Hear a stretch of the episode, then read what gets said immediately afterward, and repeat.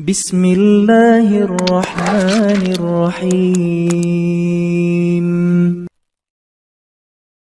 Jadi banyak bagaimana perasaan kita ikhwah dan akhwat sekalian pada saat kita sedang punya masalah. Kemudian kita sampaikan kepada seseorang, orang itu sangat bijaksana, dewasa, jawabannya enak, orangnya amanah. Lalu pada saat dia kasih kita jawaban, kita merasa dapat solusi. Kira-kira bagaimana perasaan antum? Senang dengan orang itu. Baik, setiap punya masalah kembali nggak ke orang yang sama? Kembali. Nah orang mukmin tahu bahwasanya sebaik-baik tempat untuk curhat itu bukan manusia, Allah Azza wa Jal.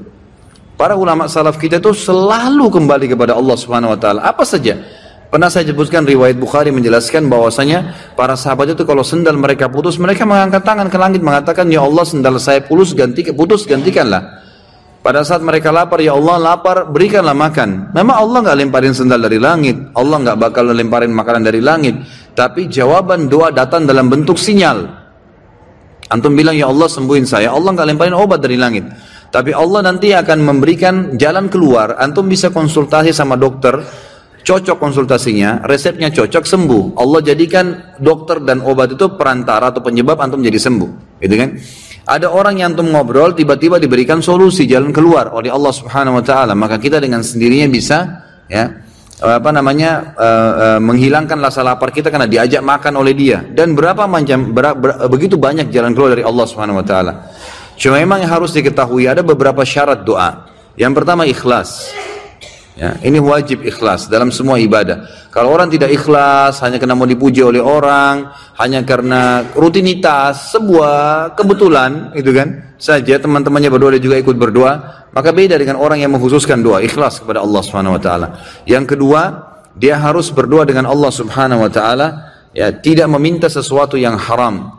Sebagaimana sabda Nabi SAW, doa yang diikuti dengan sesuatu atau permintaan yang haram tidak akan dijawab oleh Allah. Yang ketiga, berdoa dengan Allah sementara dia yakin.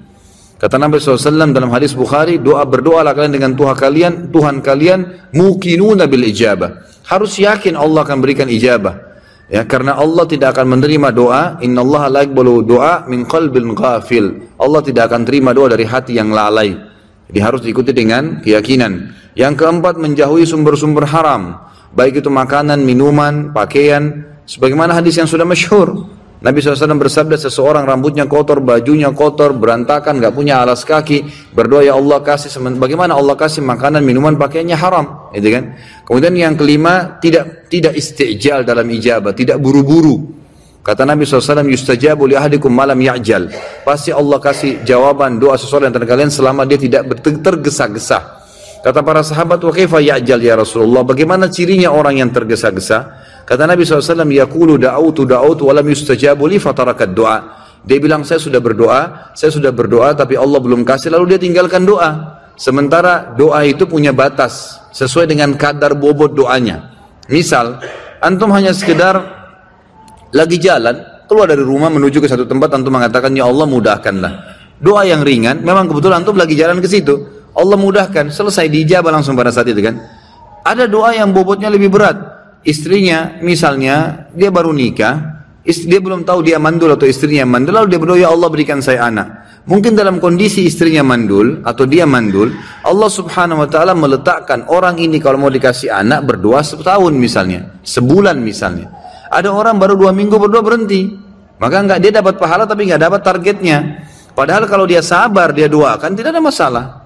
Nanti akan kita lebih banyak bahas itu di uh, aulia. Di sini ada nanti bahasan khusus untuk wali-wali Allah dan wali-wali syaitan. Akan banyak contoh-contoh di mana para orang-orang soleh dulu berdoa kepada Allah SWT dan dijawab oleh Allah. Itu kan? Tadi Nabi Zakaria berdoa 70 tahun baru Allah kasih. Bobot doanya memang berat. Beliau minta agar istrinya mandul punya anak. Dan itu secara fitrah manusia sudah Allah ciptakan nggak bisa. Tapi Allah SWT juga tetap berikan asal dia sabarin. Dia tunggu sampai tanggal atau saat dia akan dijawab oleh Allah Subhanahu wa taala. Kalau bahasa saya pribadi ya dalam ceramah, sebenarnya orang berdoa itu seperti volume tape recorder biasa kalau kita atau tape yang besar, tape deck yang biasa kita lagi mau besarin tuh kayak ada lampunya dari kecil sampai ke besar. Nah kalau kita sabarin terus sampai dia batas maksimal akan besar sekali itu gongnya, itu kan? Kan besar sekali suaranya seperti itu. Ya saya pernah ceritakan ada anak muda di Yaman, ya, yang menikah sementara dia buta. Masih ingat ya? Masih ingat gak nih? Hah? Kok kayak bengong? Anak muda di Yaman yang buta matanya hafal Quran menikah gara-gara doanya. Masih ingat gak? Atau belum saya ceritain? Wow semangat ya kalau soal nikah. Ada satu anak muda di Yaman, kisah nyata terjadi. Dia hafal Quran dan waktu itu umurnya mencapai 23 tahun dan ini kisah sempat menghebohkan Timur Tengah. Ini tentang masalah dahsyatnya doa. Pada saat itu ikhwas sekalian dan akhwat, dia bilang sama orang tuanya sama ayahnya, ayah, saya kayaknya merasa ingin menikah. Ayahnya ini setiap kali dia minta nikah pasti dibatalkan. Kata ayahnya, siapa yang mau menikah dengan kamu nak? Kamu buta. Kamu nggak bisa melihat. Kamu sendiri harus diurus oleh orang, orang lain. Belum tentu ada perempuan yang mau sama kamu. Nantilah, nantilah. gitu. Selalu begitu. Dia bilang lagi, sama lagi dipatahkan sama orang tuanya. Sampai akhirnya satu waktu dia putus asa, dia bilang, Ya Allah, dia berdoa. Ya Allah, tunjukkanlah kepada ayahku kalau aku ini layak menikah. Dan dia selama sebulan. Perhatikan ya, ada kasus ini. Dia berdoa sebulan. Bukan berdoa sehari, dua hari, tiga hari. Dia berdoa sebulan. Yang dia minta sama Allah apa? Ya Allah, kasih saya seorang istri yang cantik, kaya, pintar semua dia minta nih tiga-tiganya, gitu kan. Pokoknya cantik, kaya, pinter, gitu kan. Dia berdoa sebulan, terus dia berdoa sebulan. Dan ini umumnya nanti akan saya datangkan kisah lain. Ingatkan saya sebentar ada kisah seorang dari salaful ummah juga dari tabiin yang kaya raya bangkrut jadi kaya gara-gara berdoa sebulan. Memang ada batas waktu seperti itu ya. Kadang-kadang karena terlalu tergantung bobot permintaan. Maka dia berdoa sebulan. Subhanallah, di hari di malam yang ke-20 di malam yang ke-30 dari doanya setiap malam dia berdoa di tahajud artinya pas hari 29 dia berdoa karena memang Nabi SAW menekankan satu bulan itu 29 hari gitu kan makanya hijriah kebanyakan 29 hari maka dia mimpi ada suara yang dia dengar dalam mimpinya wahai fulan Allah telah ijabah doamu dan jodohmu adalah si fulana disebut namanya tapi dalam kisah ini tidak disebut namanya ya si fulana yang tinggal di kampung sebelah, nama ayahnya Fulan. Gitu kan? Dia bangun, besok dia ketemu sama ayahnya. Dia bilang, ayah, di kampung sebelah ini ada namanya kampung ini enggak? Ini di Yaman terjadi ya. Ayahnya bilang ada. Ada si anaknya yang buta ini, ada enggak seorang di sana laki-laki bernama Fulan, namanya ayah perempuan ini? Ayahnya bilang ada, dan itu tokoh masyarakat di sana. Baik, ada enggak anaknya perempuan bernama Fulana? Kata ayahnya ada. Kata si buta ini, nih lamarin buat saya. Hmm. Kata ayahnya ini kau sudah gila. Hmm. Sedangkan minta orang yang biasa saja belum tentu diterima, apalagi minta anak pejabat kaya dan itu terkenal cantik, terkenal kisahnya banyak nolak laki-laki. Orang antri di rumah yang lamar. Ya biasa, biasa orang punya kelebihan biasa begitu kan. Baik, intinya adalah dia bilang, ayah tapi saya mimpi. Diceritain mimpinya. Oh itu diceritain mimpinya, ayahnya juga tersentuh. Tapi ayahnya bilang baiklah kita ke sana, tapi ini mempertaruhkan nama keluarga. Bisa diterima, bisa tidak, gitu kan? Pergi ke sana. Tiba di kampung sebelah ringkas cerita, ngobrol lah, disambut oleh uh, tuan rumahnya, lalu ngobrol-ngobrol secara umum kami dari sini, kami dari sini. Terakhir menyampaikan hajatnya, ini anak saya, orangnya hak buta, tapi dia hafal Quran. Orang yang soleh tinggal di rumah tapi tidak ada pekerjaan gitu. Dan dia meminta terus terang kepada saya agar melamar anak anda. Tahu apa yang terjadi ikhwah? Ayahnya perempuan, tanpa nanya banyak kepada anak laki-laki mengatakan saya terima lamarannya. Ditanya, ya ditanya sama ayahnya si laki-laki ini, sama si laki-laki juga, laki-laki ayahnya terutama yang tanya, kok kenapa anda langsung menerima, belum tanya anak saya, belum tanya kegiatan sehari-harinya apa? Nah, kata ayahnya ini, yang calon mertuanya, saya tadi malam mimpi, saya tadi malam mimpi mendengarkan suara bahwasanya besok akan datang seseorang bernama Fulan dari kampung sebelah, buta matanya hafal Quran, terima lamarannya. Mimpi ini. Kan itu. Tapi sebulan berdoa, antum baru dua minggu sudah kempes. Makanya nggak dapat, gitu kan. Kemudian kata ayahnya, saya terima doa, saya terima lamarannya, tapi saya belum bicara sama anak perempuan saya. Ini luar biasa kisahnya. Dia bilang, saya tanya dulu anak perempuan saya. Kalau dia terima, Alhamdulillah. Kalau enggak, berarti tidak. Saya mohon maaf. Dia masuk ke dalam, bicara sama anaknya. Oh, ini cerita ayah perempuan bicara sama anak perempuannya. Dia bilang, nah, ada orang dari kampung sebelah, orang baik, dipuji-puji dulu. Ini, hafal Quran, tapi buta matanya. Ingin melamar kamu, nak. Namanya si Fulan. Kaget si ayahnya perempuan, lalu perempuan bilang, saya terima lamarannya ayah. Selama ini nolak terus ini. Orang datang bolak-balik yang sudah gagah, yang sudah kaya, yang pintar ditolak semua. Anak perempuan tidak mau. Langsung kata ayahnya, kok bisa? Kok belum lihat dia nak? Dia buta. Dia bilang, enggak ayah, tadi malam saya mimpi. Bahwasanya besok akan datang jodohmu laki-laki bernama Fulan dari kampung sebelah, matanya buta, tapi hafal Quran, terima lamarannya, dia akan membahagiakan kamu. Caranya Allah subhanahu wa ta'ala. Kisah yang lain seorang salaful ummah dari tabi'in yang masyhur. Tapi ini mohon maaf saya tidak terlintas namanya sekarang. yang jelas beliau kaya raya, seorang ulama alim besar, gitu kan dan kaya raya. Tiba-tiba Allah coba bangkrut. Kafilah dia, karavan dia yang pergi berdagang itu dirampok oleh orang. Habis semua dagangannya. Zaman dulu begitu ya. Sama kalau kita misalnya order satu barang sama kontainer tenggelam di lautan atau dirampok kita sudah nggak tahu modal semua di situ habis gitu. Maka yang terjadi ikhwah akhwat sekalian, orang ini akhirnya dalam kisah ini dikatakan setiap hari pindah-pindah masjid. Minta-minta sama orang, ini orang kaya raya. Nggak ada lagi kehidupannya, dia gimana? Cuma minta diberikan makanan, dia makan. Berjalanlah dua bulan dari kejadian kasus dia ini. Satu waktu dia masuk di masjid jami di Baghdad. Pada saat dia masuk di masjid jami itu, dia temukan di pinggiran masjid di belakang ada orang-orang miskin yang baru terima bingkisan-bingkisan. Dan mereka saling memuji orang yang bantu itu. Dia pun datang mengatakan, setelah berikan salam, kalian dapat dari mana di bantuan? Kata mereka serentak, itu tuh yang duduk di depan tuh, dekat mihrab. Itu orang yang duduk, yang kamu lihat sana tinggal sendirian. Memang habis sholat sudah bubar, tinggal orang itu sendirian. Kalau kau punya hajat, sampaikan sama dia, dia tidak pernah nolak hajat orang.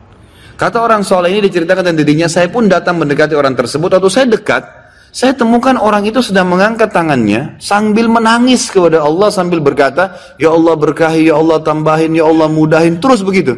Lalu tiba-tiba dia bilang saya seperti disiramin hati saya dengan keimanan oleh Allah Subhanahu wa taala. Saya bilang orang kaya ini pun yang banyak bantu orang minta kepada siapa? Kepada Allah. Ngapain saya minta sama dia? Setelah itu dia bilang saya berdoa selama sebulan. Ini dia sendiri cerita. Selama sebulan saya berdoa non-stop, maka Allah mengembalikan semua kekayaan saya bahkan lebih daripada sebelumnya. Jadi memang dalam doa ikhwas ada rate-nya, ya kan? Jangan satu dua hari berhenti, tidak boleh istijal. Sabar nikmatin prosesnya. Gitu kan Allah tuh maha dengar, maha tahu dan Allah akan memberikan pada saat dan pada saat antum sabar sampai titik klimaks daripada doa itu, maksimal titiknya maka Allah akan berikan luar biasa. Gitu kan? Ada cobaan datang, ada doa yang antum sampaikan belum belum diijabah, tetap saja. Terus terus berdoa. Nabi Zakaria tadi tidak pernah putus asa, 70 tahun berdoa. Nabi Ayub 20 tahun ya, beliau diberikan nikmat segala macam, anaknya 12 laki-laki semua. Istrinya cantik sempurna, dia gagah, raja, nabi, dan kaya raya. Gitu kan? 20 tahun nikmat hidupnya. Tahun 21 dia meninggal dia menikah umur 30 tahun, istrinya 20 istrinya 20 tahun, dia 30 tahun. 20 tahun nikmat berarti umur Nabi Zayyub berapa? 50 tahun, gitu kan? Waktu itu umurnya 30 tahun menikah, 20 tahun penuh dengan nikmat. Semua ada. Anaknya 12 laki-laki semua kuat-kuat. Kebun kurmanya, peternakannya semua subur. Jadi raja, nabi dan orang terkaya di kaumnya. Sampai umur 50 tahun, istrinya 40 tahun. Setelah itu cobaannya Allah datang. Dalam tiga hari semuanya habis. Tiga hari saja. Hari pertama di umur 51 tahunnya, Allah SWT datangkan penyakit kusta buat dia. Sehingga menular. Dan tidak ada orang yang berani dekat dengan dia sampai kaumnya tinggalkan. Semua yang tinggal cuma istrinya. Rumahnya pun rumahnya pun yang bagus tadinya terpaksa dia jual diganti dengan gubuk biasa karena hari kedua Allah subhanahu wa ta'ala coba Nabi Ayub alaihissalam dengan mendatangkan hama ya, dan badai. Semua perkebunan kurmanya hancur semua peternakan kambing sapi untanya mati. Hari kedua ribuan ekor habis semua. Maka terpaksa untuk menghidupi dirinya dijual rumahnya maka dia tinggal di gubuk biasa dari raja, nabi kaya raya ditinggalkan oleh orang-orang yang sedang didakwain kaumnya, kemudian juga seluruh hartanya habis. Dan hari ketiga Allah datangkan cobaan yang paling berat dalam hidup beliau, ya, alaihi salatu wassalam, itu 12 anak laki-lakinya mati satu hari. Semua mati seketika. Tanpa sebab, 12 anak laki-laki sempurna sehat, mati semua. Nabi Ayub alaihissalam tidak mengeluh satu kalimat pun. Tidak ada keluar mulutnya, ya Allah kenapa? Nggak ada. Subhanallah kita baru banjir sedikit sudah satu kampung semua tahu. Satu dunia tahu Indonesia banjir.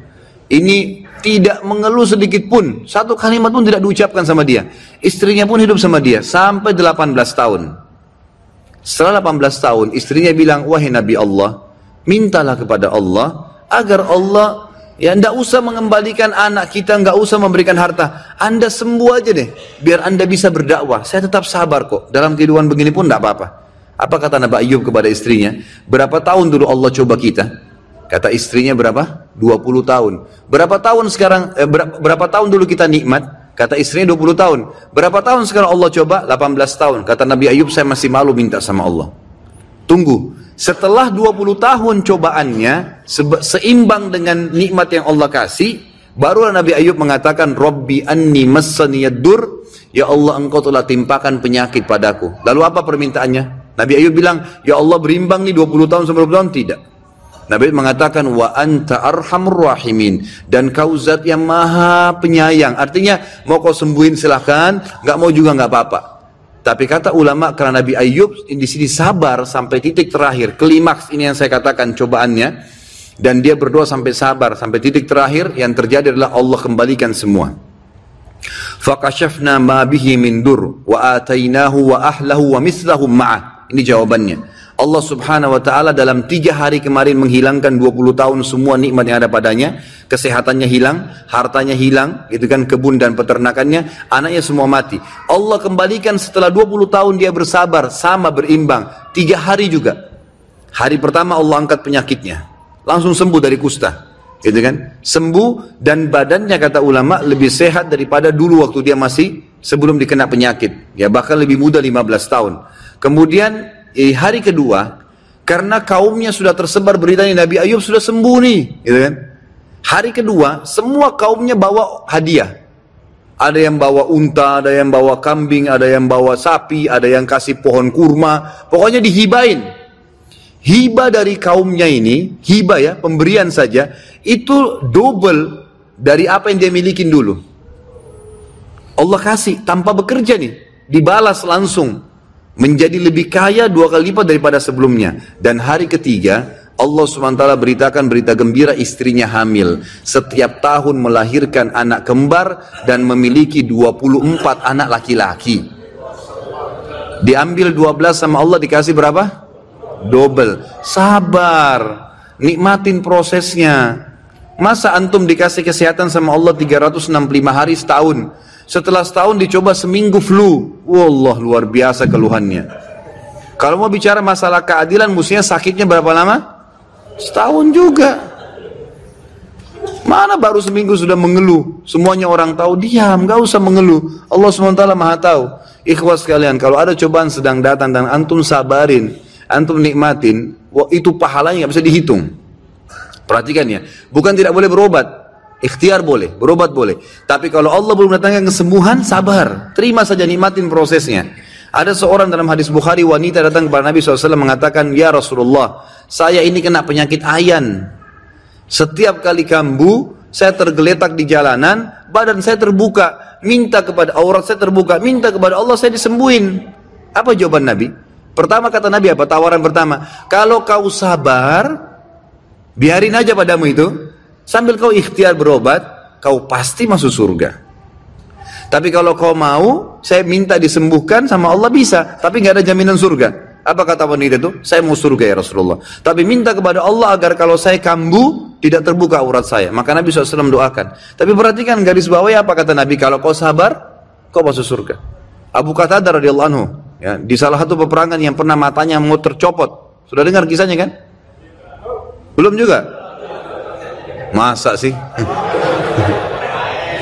anak kadang-kadang ragu mau nyampein kisah ini. Kenapa pikir antum sudah hadiri pengajian anak?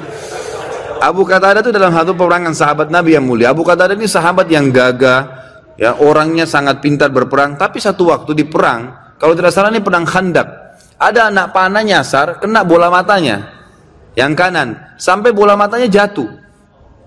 Ini Abu Qatadah, orangnya sangat gagah. Dan setelah selesai peperangan, memang dia niat mau menikah, gitu kan? Matanya ini jatuh dan ada anak panah nancap situ.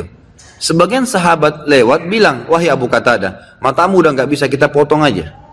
Kata Abu Qatada apa? Dia pintar, dia tahu Nabi SAW masih ada. Dia bilang jangan dulu. Sebelum kalian potong, tetap bawa saya ke Rasulullah.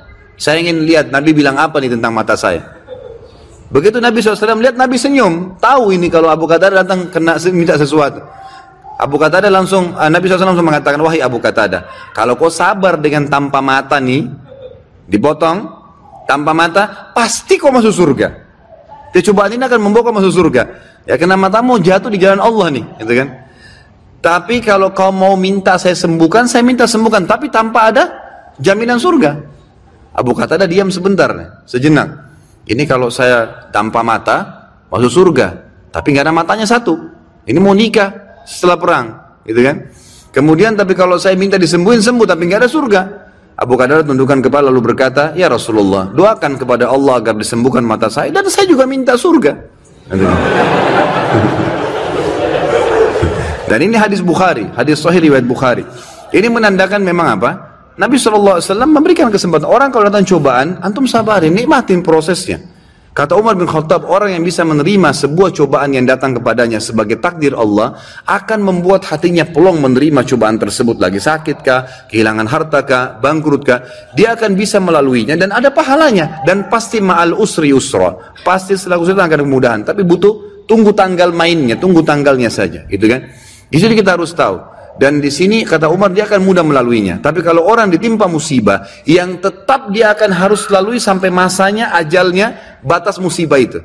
Jadi bukan berarti antum pas sakit antum mengeluh ya kenapa saya sakit ya? Ya tadi malam kalau AC saya tidak kecilin ya. Dan seterusnya ya kemarin kalau saya tidak kena hujan ya. Itu kan tidak boleh diucapkan dalam Islam ya. Antum ucapin itu tetap tidak sembuh. Akan sembuh di waktu yang Allah sudah tentuin. Pada saat hari H Allah tentuin ajal ya ajal batasnya itu pada saat itu Allah akan sembuhin. Allah akan mudah antum minum obat minum air antum akan sembuh. Ingat ikhwat sekalian semua punya ajal ya. Di muka bumi ini semua di alam semesta semua punya ajal. Ajal ini bahasa ceramah saya pribadi adalah tanggal expire. Gitu kan? jadi bukan cuma kita yang punya tanggal expire tapi semuanya Ya, seorang sahabat pernah pembantunya pecahin piring, lalu dia marah dengan pembantunya. Nabi SAW dengar, Nabi panggil. Kata Nabi SAW, kenapa kau marah dengan pembantumu? Ketahuilah, piring yang dipecahkan oleh pembantumu punya ajal, batas yang Allah sudah tentuin, sebagaimana kamu punya ajal. Kalau bukan pecah di tangannya, akan pecah di tanganmu. Antum kalau lagi jalan ban motornya pecah, nggak usah marah-marah. Antum mau susun seribu alasan pun penyebabnya, mungkin licin, mungkin hujan, mungkin paku, tetap sudah bocor. Udah ajalnya ban itu.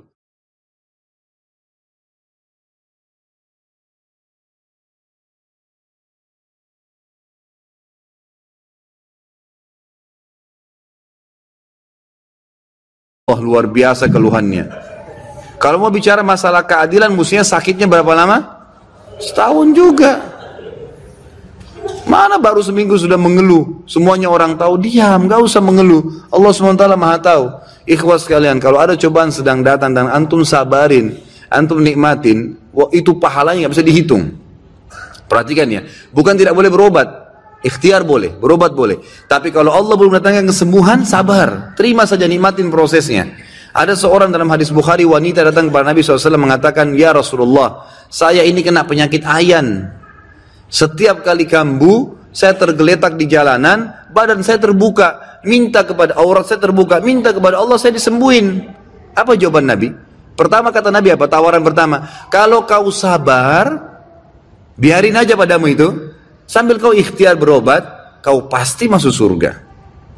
Tapi kalau kau mau, saya minta disembuhkan sama Allah bisa, tapi nggak ada jaminan surga. Apa kata wanita itu? Saya mau surga ya Rasulullah. Tapi minta kepada Allah agar kalau saya kambuh, tidak terbuka aurat saya. Maka Nabi SAW doakan. Tapi perhatikan garis bawahnya apa kata Nabi? Kalau kau sabar, kau masuk surga. Abu Qatadah radhiyallahu anhu, ya, di salah satu peperangan yang pernah matanya mau tercopot. Sudah dengar kisahnya kan? Belum juga? Masa sih? Anak kadang-kadang ragu mau nyampein kisah ini. Kenapa pikir antum sudah hadiri pengajian anak? Abu Qatadah itu dalam satu peperangan sahabat Nabi yang mulia. Abu Qatadah ini sahabat yang gagah, ya orangnya sangat pintar berperang. Tapi satu waktu di perang, kalau tidak salah ini perang khandak, ada anak panah nyasar, kena bola matanya, yang kanan, sampai bola matanya jatuh. Ini Abu Qatadah, orangnya sangat gagah. Dan setelah selesai peperangan, memang dia niat mau menikah, gitu kan? Matanya ini jatuh, dan ada anak panah nancap situ. Sebagian sahabat lewat bilang, wahai Abu Qatada, matamu udah nggak bisa kita potong aja. Kata Abu Qatada apa? Dia pintar, dia tahu Nabi SAW masih ada. Dia bilang jangan dulu. Sebelum kalian potong, tetap bawa saya ke Rasulullah. Saya ingin lihat Nabi bilang apa nih tentang mata saya. Begitu Nabi SAW lihat Nabi senyum, tahu ini kalau Abu Qatadah datang kena minta sesuatu.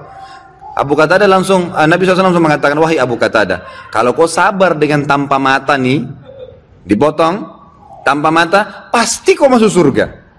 Kecobaan ini akan membawa kau masuk surga. Ya karena matamu jatuh di jalan Allah nih, gitu kan? Tapi kalau kau mau minta saya sembuhkan, saya minta sembuhkan. Tapi tanpa ada jaminan surga. Abu kata ada diam sebentar, sejenak. Ini kalau saya tanpa mata, masuk surga. Tapi nggak ada matanya satu. Ini mau nikah setelah perang, gitu kan? Kemudian tapi kalau saya minta disembuhin sembuh, tapi nggak ada surga. Abu Qadar tundukkan kepala lalu berkata, Ya Rasulullah, doakan kepada Allah agar disembuhkan mata saya dan saya juga minta surga.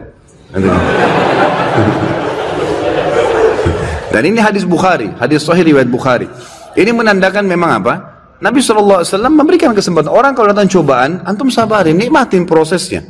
Kata Umar bin Khattab, orang yang bisa menerima sebuah cobaan yang datang kepadanya sebagai takdir Allah, akan membuat hatinya pelong menerima cobaan tersebut. Lagi sakit kah, kehilangan harta kah, bangkrut kah, dia akan bisa melaluinya dan ada pahalanya. Dan pasti ma'al usri usra. Pasti setelah kesulitan akan kemudahan. Tapi butuh tunggu tanggal mainnya, tunggu tanggalnya saja. Gitu kan? Di sini kita harus tahu. Dan di sini kata Umar dia akan mudah melaluinya. Tapi kalau orang ditimpa musibah yang tetap dia akan harus lalui sampai masanya, ajalnya, batas musibah itu. Jadi bukan berarti antum pas sakit antum mengeluh ya kenapa saya sakit ya. Ya tadi malam kalau AC saya tidak kecilin ya dan seterusnya. Ya kemarin kalau saya tidak kena hujan ya. Itu kan tidak boleh diucapkan dalam Islam ya. Antum ucapin itu tetap tidak sembuh. Akan sembuh di waktu yang Allah sudah tentuin. Pada saat hari H Allah tentuin ajal ya ajal batasnya itu, pada saat itu Allah akan sembuhin, Allah akan mudah antum minum obat, minum air antum akan sembuh. Ingat ikhwah sekalian, semua punya ajal ya. Di muka bumi ini semua di alam semesta semua punya ajal. Ajal ini bahasa ceramah saya pribadi adalah tanggal expire.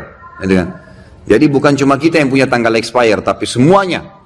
Ya, seorang sahabat pernah pembantunya pecahin piring, lalu dia marah dengan pembantunya. Nabi SAW dengar, Nabi panggil. Kata Nabi SAW, kenapa kau marah dengan pembantumu? Ketahuilah, piring yang dipecahkan oleh pembantumu punya ajal, batas yang Allah sudah tentuin, sebagaimana kamu punya ajal. Kalau bukan pecah di tangannya, akan pecah di tanganmu. Antum kalau lagi jalan ban motornya pecah, nggak usah marah-marah. Antum mau susun seribu alasan pun penyebabnya, mungkin licin, mungkin hujan, mungkin paku, tetap sudah bocor. Udah ajalnya ban itu. Assalamualaikum.